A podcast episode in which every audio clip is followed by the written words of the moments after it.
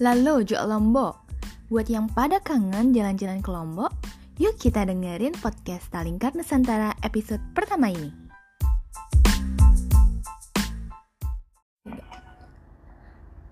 Hai Kak Rahman.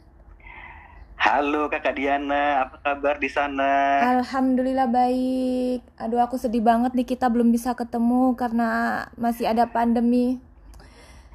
Iya iya. Mm. Tapi syukur thank sih. you loh udah invite saya untuk ke Lingkar Nusantara. Ini Iya Pasti dong. keren dong. karena kan kita pengen sharing-sharing nih sama teman-teman yang dengerin podcastnya Tel- Talingkar Nusantara. Tapi, Mantap iya. mantap siap. Syukur sih sebenarnya karena kita punya teknologi yang bisa ngebantu kita buat um, komunikasi jarak jauh kayak gini ya kan dari Jakarta Lombok kita tetap bisa nih saling Betul berkabar itu. dan juga cerita-cerita. Oke, jadi Mantap mantap siap. Iya.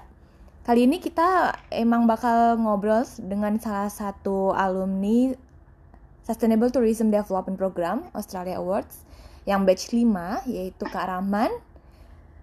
Mungkin banyak yang penasaran ya Kak Rahman itu siapa. Kalau aku sih denger atau lihat dari CV-nya aja udah aduh minder karena pengalamannya Pak. di Saya batuk dulu deh Kakak Diana.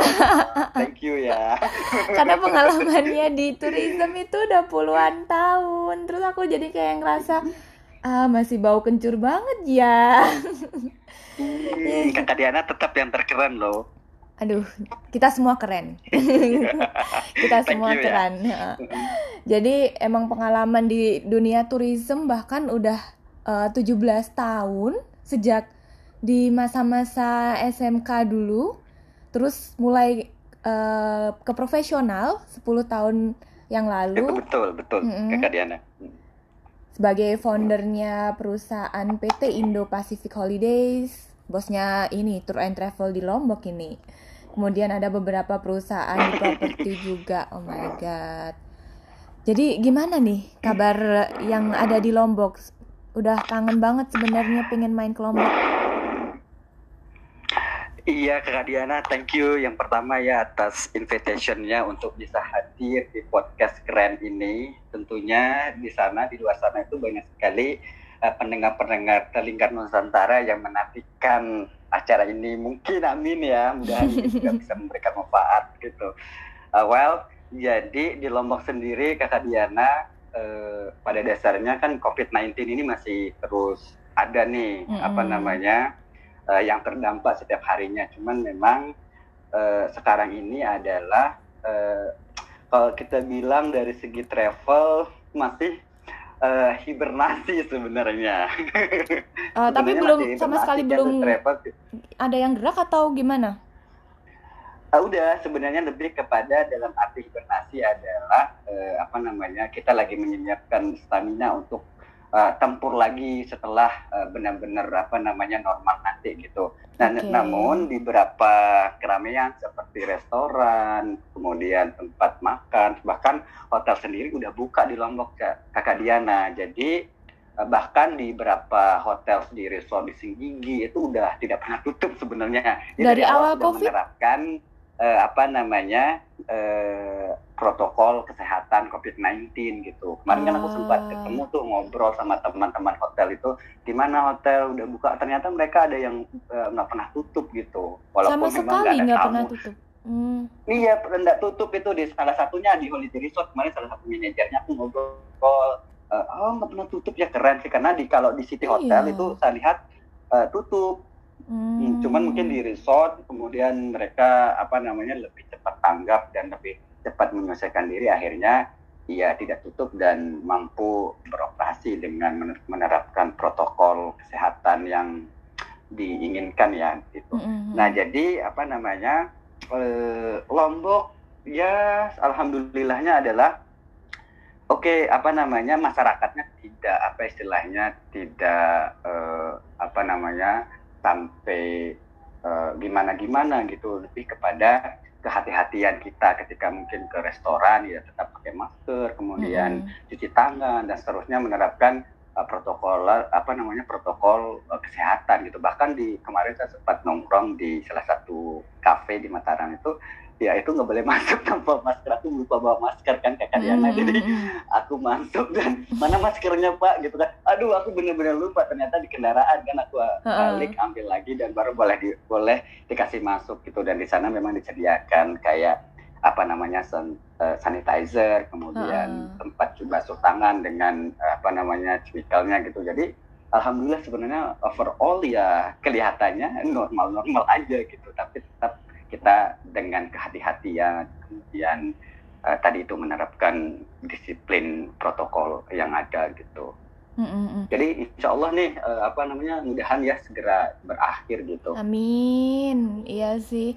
Memang gimana ya kalau kita mau terus stay at home sebenarnya eh, agak susah juga karena ekonomi kan harus tetap berjalan nih. Dan aku sih juga Betul, apalagi kita, Iya. kekasihan jadi kita nih yang ada perusahaan, aduh itu kan harus Ya. putar otak, harus bagaimana bergerak, bagaimana Mhm. ini kita terus produktif gitu walaupun stay at home, tapi what we can Benar-benar. do, apa yang walaupun kan tadi hibernasi gitu kan, tapi kita benar-benar apa istilahnya tidak bisa cuman tidur gitu, nggak bisa atau Iya. mager itu nggak bisa, kita harus do something bahkan di sini sebenarnya enaknya Kak Diana ya positifnya adalah we have a lot of thing, a lot of time untuk evaluasi hal-hal yang memang sebelumnya nggak sempat kita kerjakan. Hmm. Contoh nih kalau saya itu adalah mungkin kemarin itu sibuk A, sibuk B, pengen ini, pengen itu dan apa namanya nggak nggak begitu concern dengan seperti apa sih ke depannya. So, nggak nggak kebayang kan COVID-19 ini tiba-tiba kan ada di eh, Wuhan, China, kemudian nggak nggak pernah terbayang akan ke Lombok gitu dan sempat ketawa-ketawa waktu itu Siapa? bukan gimana-gimana tapi sempat waktu belum nyampe Indonesia COVID-19 kan kirain nggak akan sampai Ah, sini kan iya, iya, iya. saja kan Iya, Mas, kita masih di mana berpikiran gitu. positif kan kemarin itu. Oke, Iya, semoga nggak sampai betul sini. sekali. Kita masih bisa aktivitas. Eh, ternyata tetap ternyata datang. dan what happened Iya. dan kita bener-bener seperti tadi itu gitu akhirnya tapi positifnya adalah eh, saya dan tim itu eh, apa namanya mendapatkan sebuah eh, apa istilahnya momen dan Hmm. momen di bagaimana eh, berpikir lebih dalam apa yang bisa laku- kita lakukan apa yang kita bisa siapkan gitu lebih-lebih kan Lombok sendiri sebenarnya beberapa spot pariwisata itu kakak Diana kayak let's say Mandalika nih Mm-mm. Mandalika itu walaupun COVID-19 itu pembangunan developmentnya itu masih berlanjut Tetap. seperti normal. Oke. Nah, jadi Apa namanya MotoGP eh, sirkuitnya terus berlangsung pembangunannya, kemudian pembangunan-pembangunan yang lainnya. Kayak sekarang yang terakhir saya lihat kemarin minggu apa berapa minggu yang lalu saya ke Mandalika cek project Mm-mm. itu ada pom bensin di situ sekarang. Di lihat di sebelah mananya pom pom bensin? bensin. Eh, Di kalau dari Kute menuju Tanjung An itu di Ha-ha. sekitar di tengah-tengahnya itu sebelah kiri jalan kalau dari Kute. Oh. Nah jadi ini wow saya bilang kan Iya iya eh, iya. iya, iya. sesuatu yang memang di sana itu tidak terkesan ada apa-apanya kecuali memang tamu sepi sih tamu Iya. biasanya di Kuta itu kan di Mandalika itu penuh dengan bule-bule apalagi Iya, sore udah hari banyak rame biasanya. gitu. Tapi sekarang di segi itu kurang tapi memang secara pembangunan anu running biasa gitu. Jadi ya salah Ah, satu harapannya sih di Lombok nanti ini kakak Diana apa namanya ini dengan adanya MotoGP ini salah satu uh, pemicu untuk recovery Lombok lebih cepat gitu. Itu harapan saya sih sebenarnya dan insya Allah begitu. Amin, amin. Iya, ya gini sih berarti em, selama pandemi kemarin sebenarnya teman-teman yang ada di destinasi khususnya yang di Lombok ya, bukan berarti udah diem nggak ngapa-ngapain beneran hanya uh, stay at home tapi tetap ngelakuin sesuatu gitu ya, tetap upgrade ilmu, Oh iya tetap benar. susun strategi baru Nah nih itu gitu. itu dia salah satu positifnya kakak Diana. Jadi Iya sih. alhamdulillahnya, alhamdulillahnya nih ya Mm-mm. kan dulu kita nggak mudah untuk mengakses sebuah training ya karena alasan mungkin mahal Iya, biayanya bener-bener, kemudian agendanya kadang di Jakarta aja Nah, ada ada talk show tapi apa cuman di kota-kota besar gitu kan, nggak ada di Betul, Lombok betul. gitu. Betul that's right. Hmm. nah sekarang ini itu bejibun artinya bejibun nggak banyak banget gitu. Itu istilah lokal kali bejibun itu. Jadi banyak banget apa namanya program-program yang ditawarkan oleh eh, apa namanya baik itu mentor kemudian baik itu lembaga-lembaga yang menyediakan training yang berkaitan dengan concern kita itu, itu banyak dan alhamdulillahnya di situ jadi kita kadang ada yang gratis malah jadi ada yang Mm-mm. gratis Mm-mm. terus kita cuman menyediakan paket internet dan kita bisa ikut training itu sampai berhari-hari contohnya tapi aku banyak ngambil yang bayar juga sih eh, kakak Diana jadi Hmm. Alhamdulillahnya di situ. Which is dulunya itu bisa sampai puluhan juta bayar bahkan biasa ini cuma dua juta setengah bayarnya tiga juta. Itu Iya. alhamdulillah saya bilang kan dan kita mendapatkan ilmunya walaupun memang tidak berinteraksi langsung sama coachnya atau mentornya secara langsung tatap muka ya tapi well tetap kita secara knowledge kemudian apa yang kita harapkan dari program itu dapat sih. Alhamdulillahnya di situ. Iya iya. dan saya rasa teman-teman yang lain juga sama kayaknya Iya, seperti itu benar-benar. sih Karena aku juga ngerasain sih kalau kalau dulu itu misalkan kita mau ikut training, kita pengen ikut talk show talk show gitu ya, yang kita eh, pengenin karena mau upgrade ilmu, itu tuh kadang terkendala eh, waktu, biaya, sama untuk ber eh, pindah ke tempat yang lain itu loh, yang nggak nggak terlalu mudah kan. Misalkan ada acara itu Betul. ternyata beda kota atau bahkan beda negara nih sama kita kita harus mikirnya berulang-ulang kali. Tapi kalau sekarang tinggal search informasi di internet tentang training-training, entah itu yang free maupun yang berbayar dan berbayar pun menurutku juga masih terjangkau Masih banget kan ya terjangkau. eh, untuk yang online training, online talk show kayak gitu. Itu tuh bersyukur banget. Alhamdulillah sih bisa dapat eh, momen buat belajar gitu ya di saat-saat yang kayak gini. Betul betul. Dan kadang ya kemarin itu kan kesibukan kan kakak Diana Benar. walaupun Nah, mungkin iya. secara biaya ada, Iya. kemudian eh, untuk ter, eh, untuk sana ada, cuman eh, dia dibenturkan dengan kesibukan nggak bisa ditinggalkan Benar. juga kan. Iya, Kita iya, harus iya. gimana? Sedangkan acaranya Jakarta gitu akhirnya ya sudah dia eh, berlalu aja sebuah acara walaupun pengen kita ikutin gitu. Dan karena kadang training itu tidak memakan satu hari atau berapa Iya. jam gitu, itu spending sampai tiga hari training itu gitu dan Mm-mm. sekarang bisa itu alhamdulillahnya di situ. Jadi jadi ngerasa lebih produktif atau gimana nih? Eh, sebenarnya kalau dari segi kalau dari segi apa dulu ya kalau dari segi fisik yang Mm-mm. sifatnya ke lapangan apa itu itu eh, menurun memang karena namanya stay at home ya kata Diana. Iya, Cuman memang secara building human eh, humannya atau upgrade diri mungkin ya bahasanya Mm-mm. upgrade diri itu ad- eh, kesempatan itu jadi produktif di situ gitu. Kayak ngikutin webinar tadi kemudian apa namanya banyak evaluasi dengan tim bagaimana apa yang kita lakukan secara teknologi apa yang perlu dikembangkan untuk menya- karena mau tak mau kalau kita eh, apa namanya melihat dari eh, opportunity yang ada di Lombok kita harus gerak sekarang nih. Once eh, Iya. udah normal kita ngapain kalau nggak nggak ngap eh, apa kita malah cuman doing nothing nanti gitu. Iya. orang udah entah di planet mana kita masih di bumi Nah, bagian mana gitu kan. iya, itu iya, we iya. don't want uh, like that gitu. Akhirnya ya sudah kayaknya eh, kita memang harus mau tak mau harus bergerak memikirkan sesuatu apa yang bisa kita evaluasi apa yang kita bisa improve dan mari kita kerjakan walaupun dari rumah masing-masing. Itu alhamdulillahnya di situ.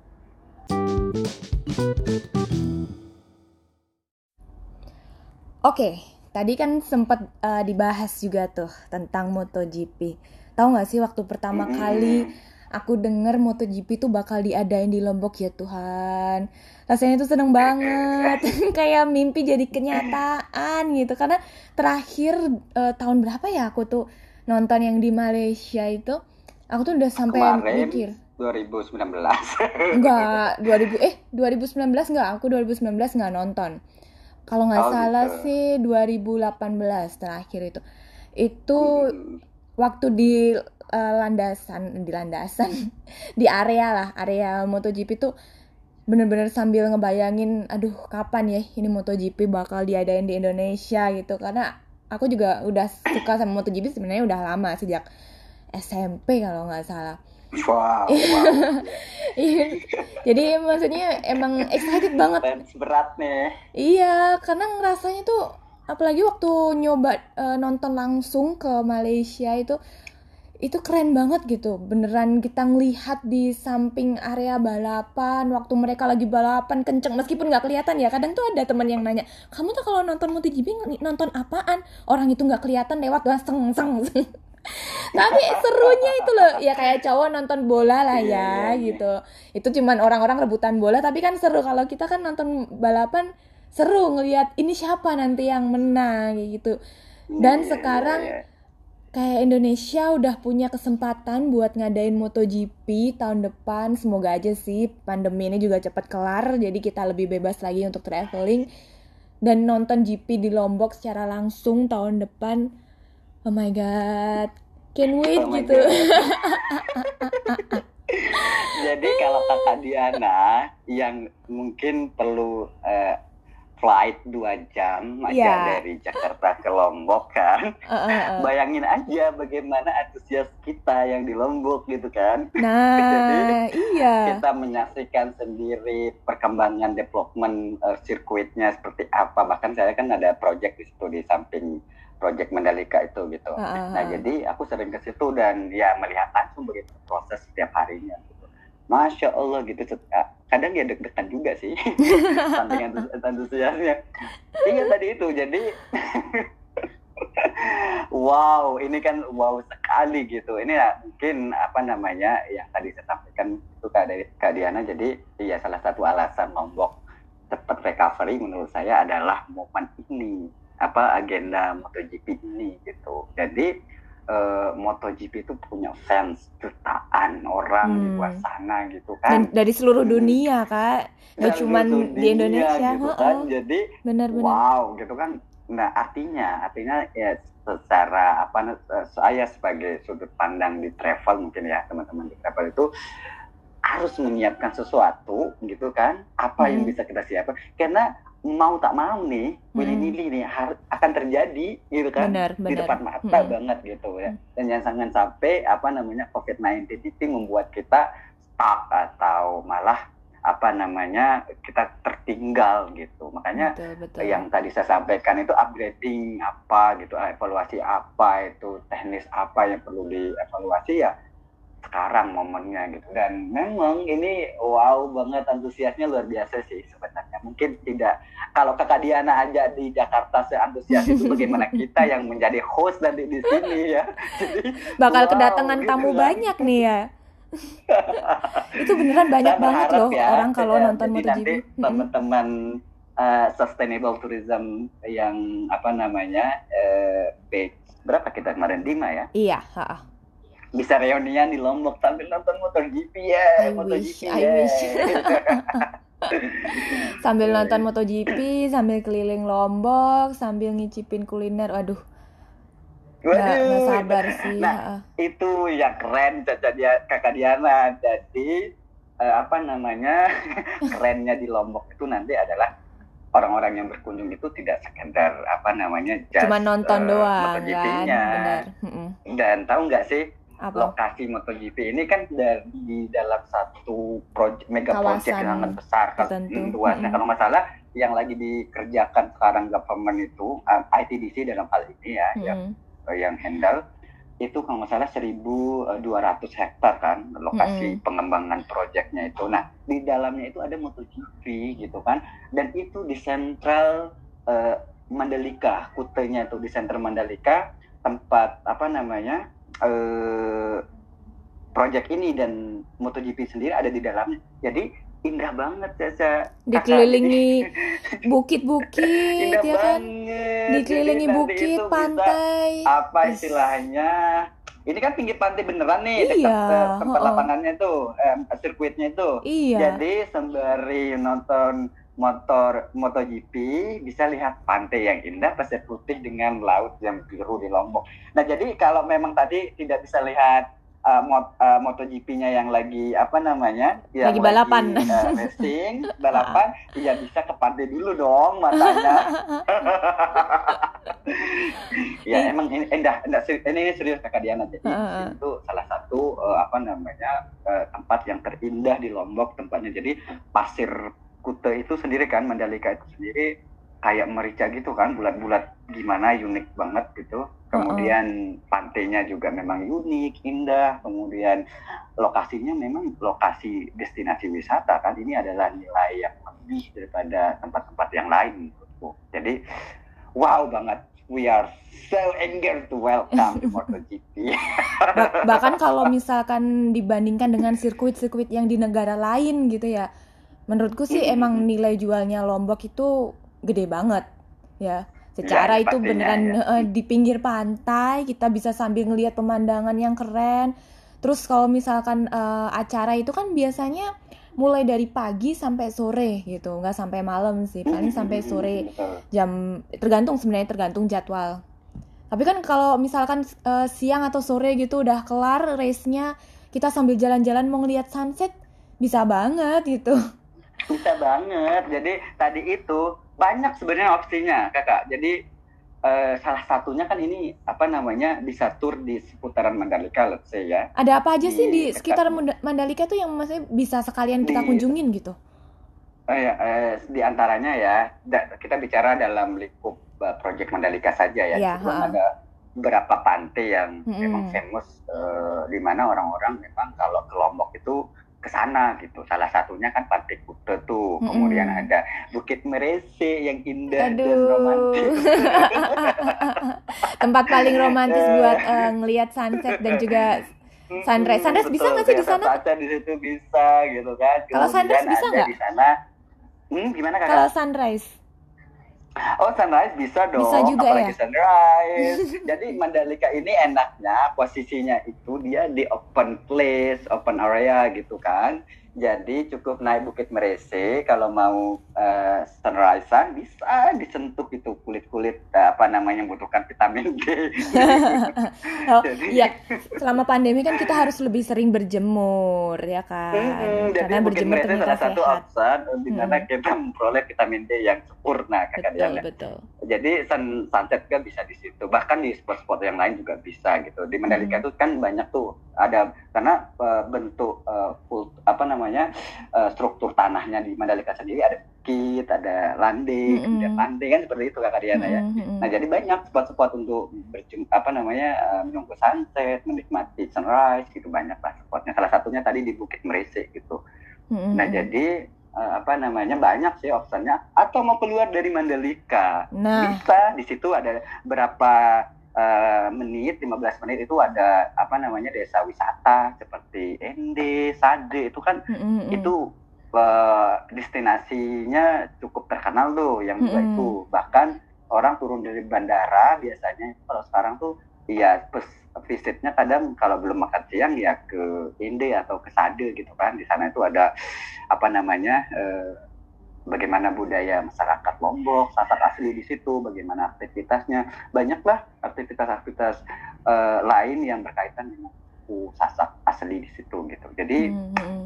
enak pokoknya nanti kalau ada sudah pernah banyak itu itu baru ini ya, baru dari sekitarnya. Kalau iya. mau loncat lebih dikit apa namanya lebih jauh lagi ke tempat surfing bisa grup. Ah di grupuk lah, di grupuk itu kan masih dalam kawasan tuh Uh, itu juga bisa surfing di situ, surfingnya uh, bagus gitu. Atau mau yang lebih landai untuk beginner bisa ke Selong Belanak itu cuma iya, berapa menit sih juga ada. Jadi apa banyak option sih, banyak option banget dan memang Lombok mah deket, seharian juga bisa diputerin. Iya. Dari ujung timur, ujung barat, muter lagi ke selatan, ke utara bisa. Jadi kecil dan indah. Bener-bener. itu sih.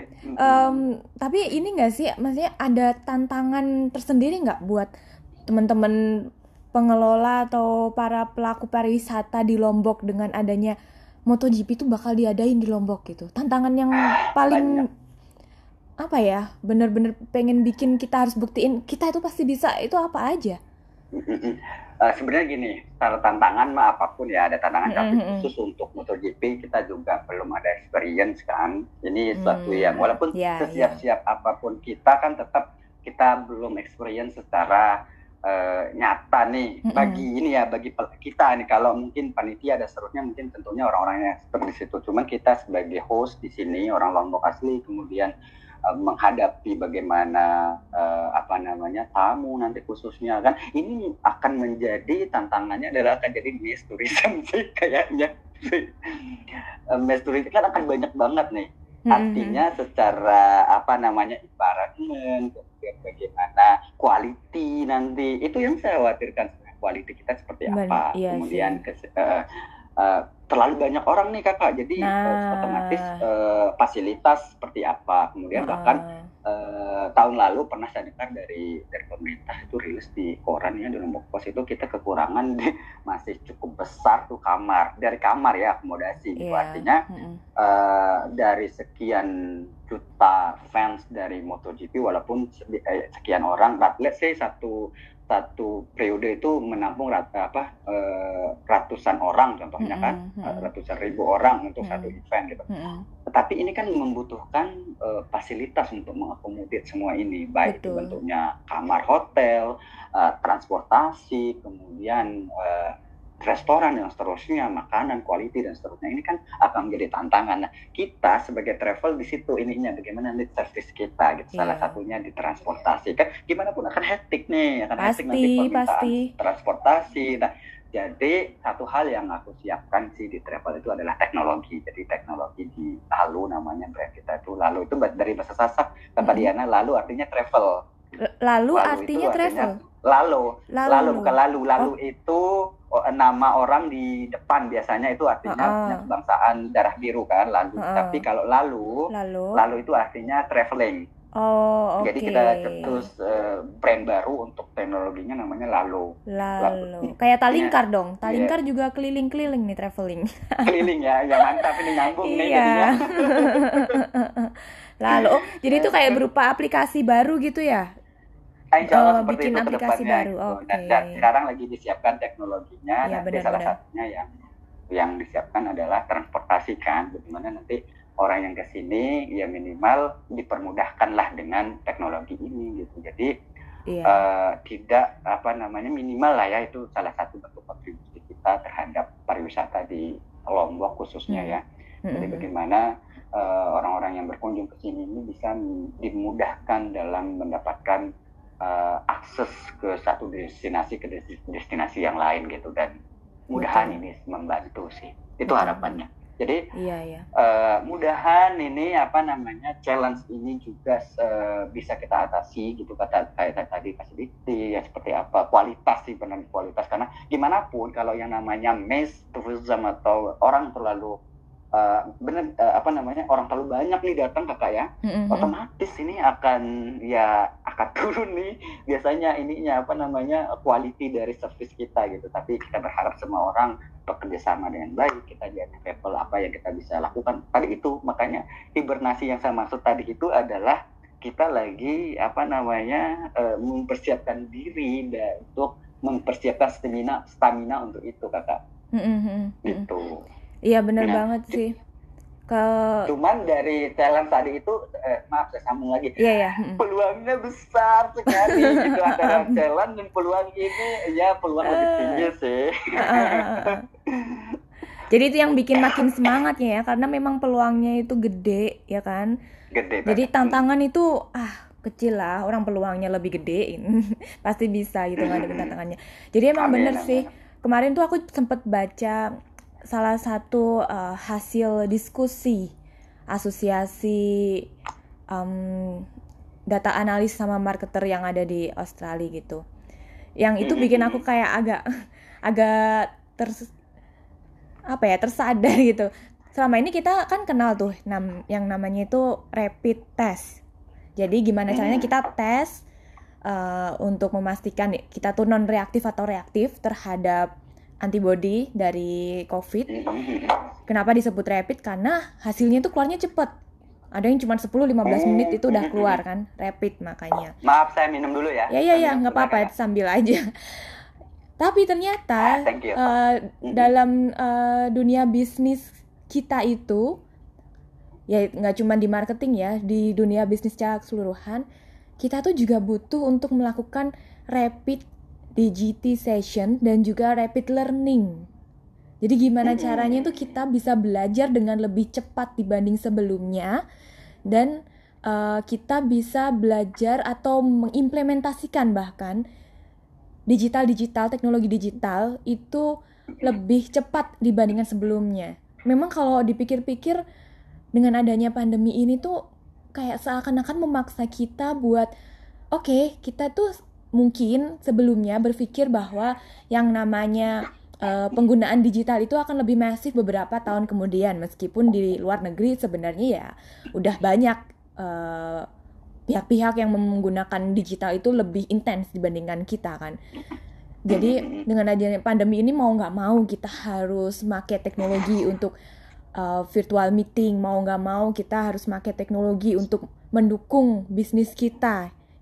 Jadi semuanya tuh dituntut untuk oke okay, kita tuh harus lebih cepat lagi belajar dalam memahami kebutuhan konsumen itu apa sih yang paling terupdate kemudian uh, digital-digital atau teknologi digital yang harus kita implementasikan untuk mendukung bisnis kita dan bisa memenuhi kebutuhan konsumen terbaru saat ini, terutama pasca COVID nanti, itu seperti apa? Itu tuh sangat perlu banget gitu.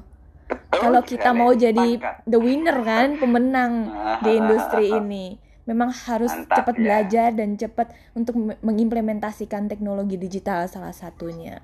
Hmm.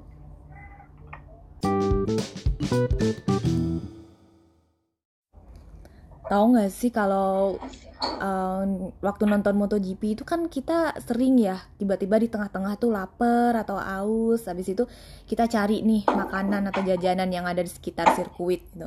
Terus aku ngebayangin misalkan lagi asik-asiknya nonton MotoGP, terus ada yang jualan sate rembige. Ya ampun, itu pasti enak banget. Iya iya iya itu mungkin sih. mungkin banget kan. Secara kita ya waktu di Bukit Malaysia aja kayak yang di bawah banyak jualan pentol itu aduh pentol itu kan apa ya pentol cilok itu khasnya Indonesia cilok, ya. banget ya. kalau kita nonton MotoGP di luar negeri ya nggak bakal lah kita dapet jajanan-jajanan atau makanan khas kayak gitu apalagi ini di Lombok yeah, ada yeah, ayam taliwang eh, sate rembige oh my god banyak banget itu. Enak pasti. Lokal kulinernya ya jadi kombinasi dengan international event wow. Nanti si pembalapnya sembari ya mencicipi masya Allah ya. Keren sih tapi kalau untuk pembalap mungkin harus disediain yang ini yang yang nggak terlalu pedes ya, biar mereka nggak sakit perut. Dia ikut modern gitu kan, modern ini kalau ada orang jualan gitu kan dia uh -uh. ikut modern dan mencicipi di situ wow sih.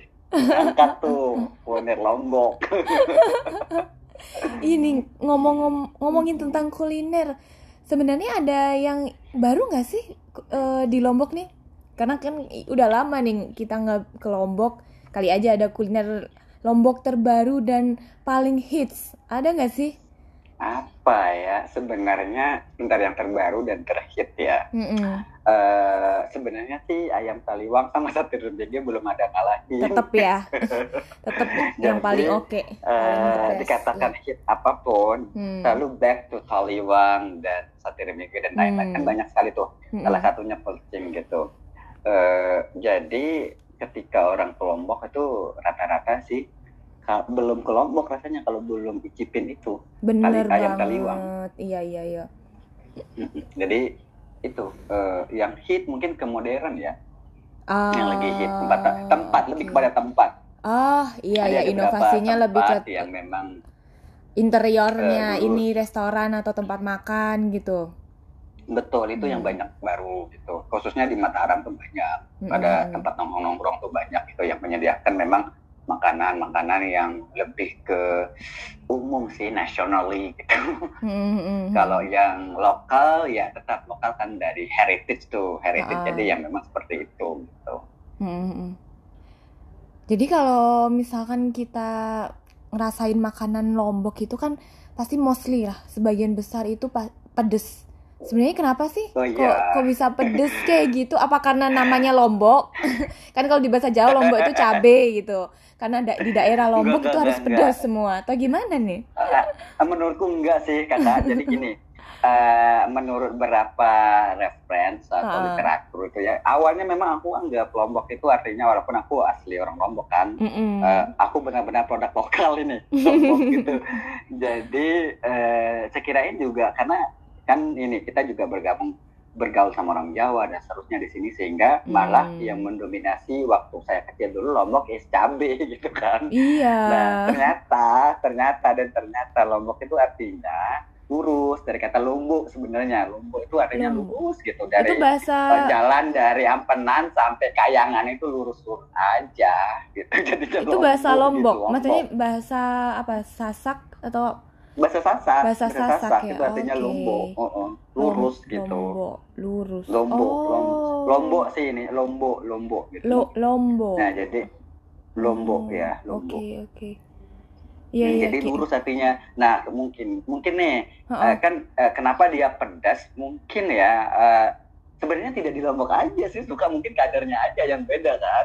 Lombok eh, di se, se Nusantara kali ya se, se Nusantara itu almost suka pedas sebenarnya menurut saya. Mungkin tipe kepedasannya atau level kepedasannya yang berbeda. Bahkan ada Hmm, nasi Aceh apa mie Aceh yang Iya. level 1 sampai level setan kalau saya Iya, dengar iya. itu itu kan artinya memang pedas dan memang kalau di Lombok sendiri itu karakter apa sih taste dari makanannya itu eh, almost sepedas ya kayak Hmm. let's say pelcing pelcing tanpa cabai yang pedas enggak banget hambar mungkin bagi orang Hmm. Lombok terus kak sate rembika pun apa namanya pedasnya tuh terasa Hmm. gitu kan cuman kalau bagi tamu yang datang mungkin ordernya di apa namanya di minimize cabenya di, diperkecil kadar eh, pedasnya gitu hmm. Eh, kemudian apa namanya mungkin ya kenapa kita suka orang Lombok itu kan ini pedas, pedas itu sebenarnya kan vitamin A kakak Diana Iya. kemudian salah satunya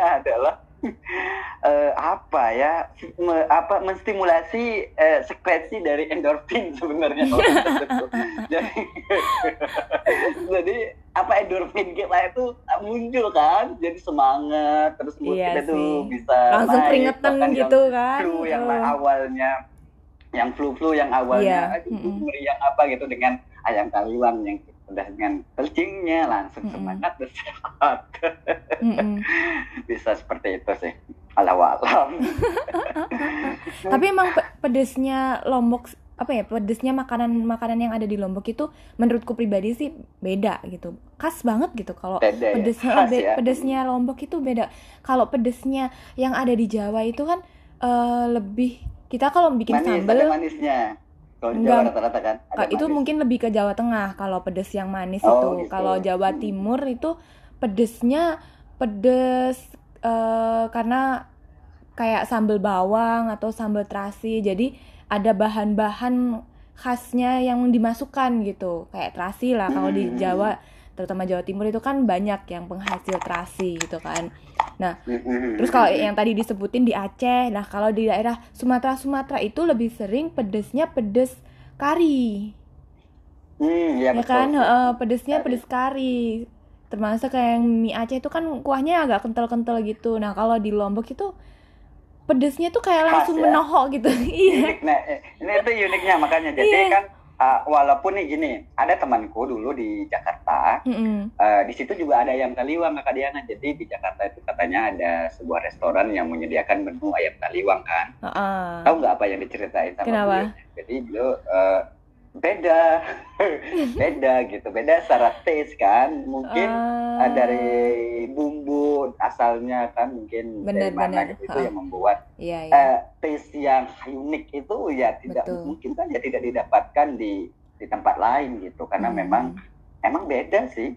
Iya. Beda. Ya itu itu Dan sama itu halnya kayak ini sih makanan-makanan. Ya aku kan dari Jawa Timur itu makanannya itu khas rempah-rempahnya itu beda Hmm, istilahnya itu penuh ya Hmm, hmm, Jadi kalau kita eh, makan makanan Jawa Timur di daerah sinilah Ja- Jabodetabek gitu, itu tuh susah kalau nyari yang taste-nya tuh sama beneran kayak yang Iya, ada di iya, rumah iya. gitu, yang bener rasanya tuh sama gitu agak susah. Pasti ada beberapa yang rasanya tuh berbeda karena memang disesuaikan dengan ketersediaan bumbu yang ada di sini juga kan, nggak semuanya itu Hmm, gampang betul, didapat betul, gitu di sini. Termasuk mungkin makanan Lombok. Kalau kita bikinnya di Lombok, rasanya bakal ya memang khas Lombok kerasa banget. Tapi kalau kita bikinnya di daerah uh, Jakarta kayak gitu ya mungkin balik lagi tadi ketersediaan bumbu-bumbu khasnya Lombok belum tentu gitu mudah untuk diperoleh jadinya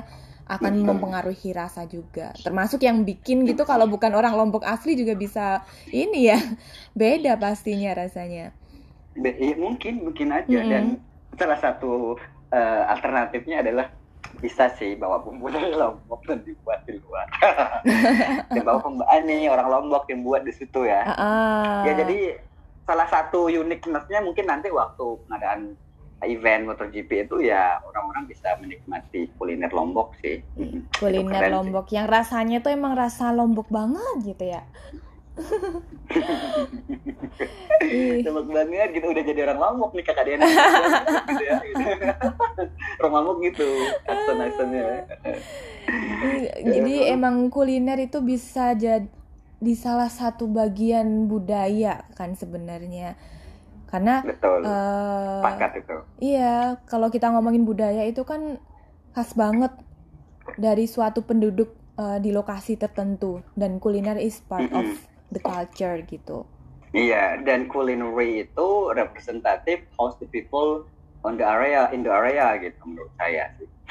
Betul betul. Kadang kan uh, uh, dari jenis makanan, rasa makanan itu merepresentatifkan apa namanya uh, penduduk uh, lokalnya seperti apa. Mungkin dari Lombok juga di kalau di Lombok kan agak pedas ya. Mm-hmm. Orang-orang di Lombok uh, rata-rata mungkin agak keras. Atau mungkin itu karena ini uh, terlalu sering makan pedas-pedas.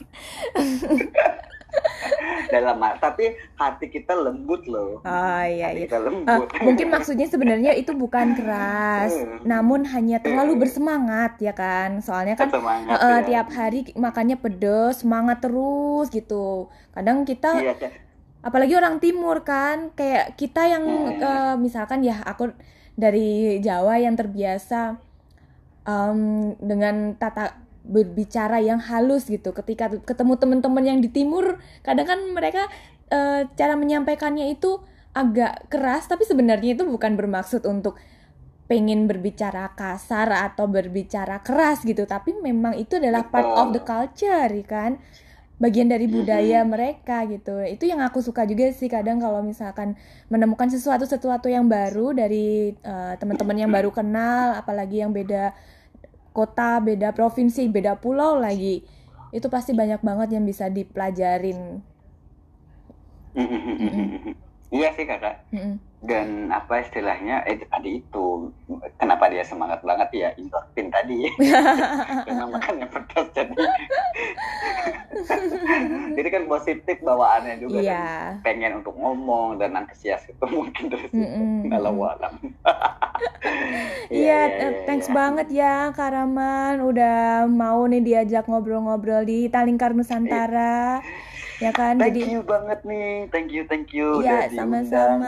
ya mudahan ini bermanfaat ya. Amin ya, amin. Jadi emang kalau bisa kita tarik uh, point to learn-nya ya um, hmm. mungkin ada dua sih utama yang bisa aku highlight di sini. Yang pertama adalah uh, terkait dengan gimana caranya kita untuk selalu upgrade ilmu selama pandemi ini berlangsung ya kan?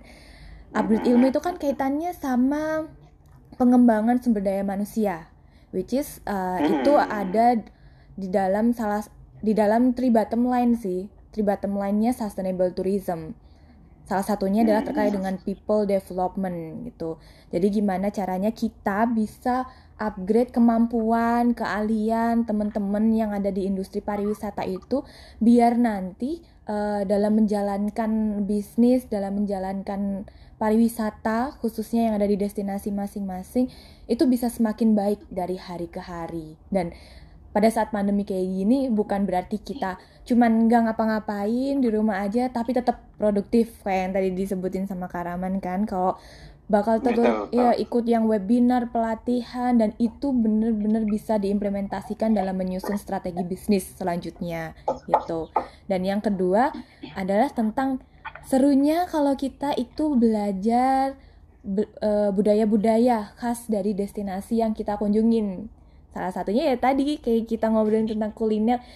terus kita ngobrol sebenarnya kuliner Lombok itu kayak gimana sih terus asal na uh, mula nama Lombok sendiri itu dari mana ya kan terkait dengan budaya-budaya khasnya um, teman-teman yang ada di Lombok itu buat kita yang asalnya itu dari luar Lombok luar NTB pasti jadi hal yang baru kan yang bisa kita pelajari oh, gitu. uh -uh, thank you. Yang bisa kita pelajari. Jadi kita uh, kalau mau ke destinasi tuh nggak cuman oke okay, kita dateng kita ngelihat pemandangan yang indah kita foto-foto dapat yang instagramable yang habis itu diupload ya kan ke sosmed. Nggak cuma dapat itu tapi kita dapat something to learn. Ya budaya apa sih yang bisa kita pelajarin dari sana? Dan salah satunya bisa lewat kuliner itu. Jadi kalau harapannya kak uh, Rahman untuk wisata ke Lombok itu ke depannya kayak gimana? Um, harapannya mudahan Abin ini semoga semakin maju. Kemudian tahulah uh, pariwisata di Lombok salah satu tumpuan pencarian masyarakatnya ya Kak Diana. Mm -hmm. Jadi ini semoga cepat pulih COVID-19 ini bisa segera pergi berlalu gitu Amin. sehingga apa namanya ke depannya uh, apa istilahnya uh, bisa pariwisata bisa menjadi uh, apa namanya penopang ya penopang mm -hmm. atau sumber perekonomian masyarakat gitu karena salah satu tujuan dari sustainable tourism mm. apa uh, peribatannya adalah berbicara masalah ekonomi kan gitu Betul. dan Iya, oke. Okay. Thank you so much buat Kak Rahman. Nanti kita Ya, semoga uh, ini Covid udah cepetan kelar, kita bisa ketemu secara offline lagi. Aku pengen banget main iya, kelompok iya, nih. Dan uh. ini apa namanya Kakak? Uh, apa namanya kualitas sih semoga kita juga secara kualitas bisa menjaga Benar. bisa mampu untuk beradaptasi dengan teknologi dan seterusnya sehingga nanti ketika Lombok benar-benar booming seperti yang kita bicarakan tadi itu uh, we concerns also uh, tentang uh, tek apa namanya quality gitu. Benar, iya, nah ini iya. ini salah satu challenge kan yang saya sampaikan mm -hmm. tadi dan harapan saya di situ juga gitu dan semoga ini ya masya Allah gitu kan. Mm -hmm. Ya bukan harapan saya saja mungkin ya jadi harapan, harapan semua, semua orang, orang ya. di, mungkin tidak di Lombok saja tapi di seluruh dunia yang bergerak di bidang pariwisata gitu. Iya dan uh, dan mudahan sih Lombok lebih dewasa dalam menyikapi pariwisata lebih unggul dan keren sih mudahan mm-hmm. amin oke okay. thanks banget jadi teman-teman uh, Talingkar pendengar Talingkar Nusantara nih uh, sekian dari sesi sharing kita bareng Kak Rahman sampai jumpa lagi kita di episode uh, podcastnya Talingkar Nusantara selanjutnya.